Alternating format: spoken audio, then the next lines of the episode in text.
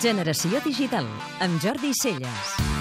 Els hàbits de consum de productes culturals audiovisuals han canviat per sempre. Ho han fet seguint un camí similar al que va traçar el sector de la música, amb alguns anys de diferència. Si el món musical va tenir Napster, el món audiovisual ha tingut Mega Upload. Exactament un any després de l'operació global liderada per l'FBI per tancar Megabloat, el seu propietari, conegut com a Kim.com, presenta un nou servei destinat a ser-ne l'hereu. Amb el simple nom de Mega, ubicat en un domini de Nova Zelanda, el servei ha aixecat una expectació inusual al món de la cultura digital, un nivell d'interès d'abast mundial només reservat pels grans de l'economia digital com Google, Apple, Microsoft o Facebook. Mega és molt més del que era Megabloat.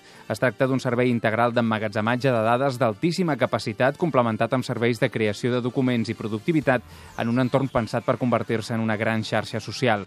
Els serveis de Mega tenen quatre nivells, un de gratuït, amb una oferta agressiva de 50 gigas de dades i 3 de pagament, cadascun amb més capacitat fins a arribar als 4 terabytes per uns 30 dòlars al mes. Mega competeix de forma agressiva en preu, capacitat i velocitat amb els consolidats Google Drive, Dropbox, SkyDrive o Box.net. De totes maneres, el retorn de King.com i tot el seu pintoresc entorn comunicatiu ha tornat a posar en evidència que és molt difícil posar lleis que bloquegin la capacitat dels usuaris per compartir documents a través de la xarxa. En aquest cas, es farà a través d'un complex sistema d'encriptació que permetrà que només els usuaris que pugin un document a la xarxa puguin compartir-lo amb qui vulguin a través d'una clau secreta. L'equip de Mega no tindrà la capacitat de saber què és el que contenen els arxius encriptats, protegint-se d'aquesta manera d'actuacions com les que van permetre l'operació contra Megabloat.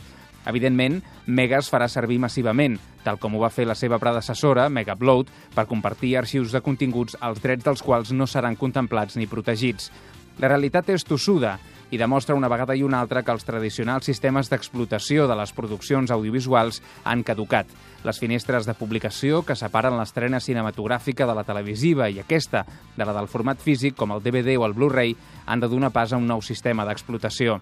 No es pot estar d'acord en res que impliqui la vulneració dels drets dels autors i dels productors que tenen sobre les seves obres, però tampoc es pot pretendre que amb una visió immobilista de la legalitat i la força de l'FBI com a policia global pretenguin mantenir un statu quo que ha quedat antic. La revolució digital ha permès als usuaris de tot el món entendre que poden accedir als continguts que desitgen just en el moment en què ho desitgen. El repte ara és dels sectors professionals, que han de saber convertir aquest augment espectacular de la demanda en un nou model de negoci realment rendible. Podeu escoltar Generació Digital cada dissabte de 4 a 6 de la tarda a Catalunya Ràdio.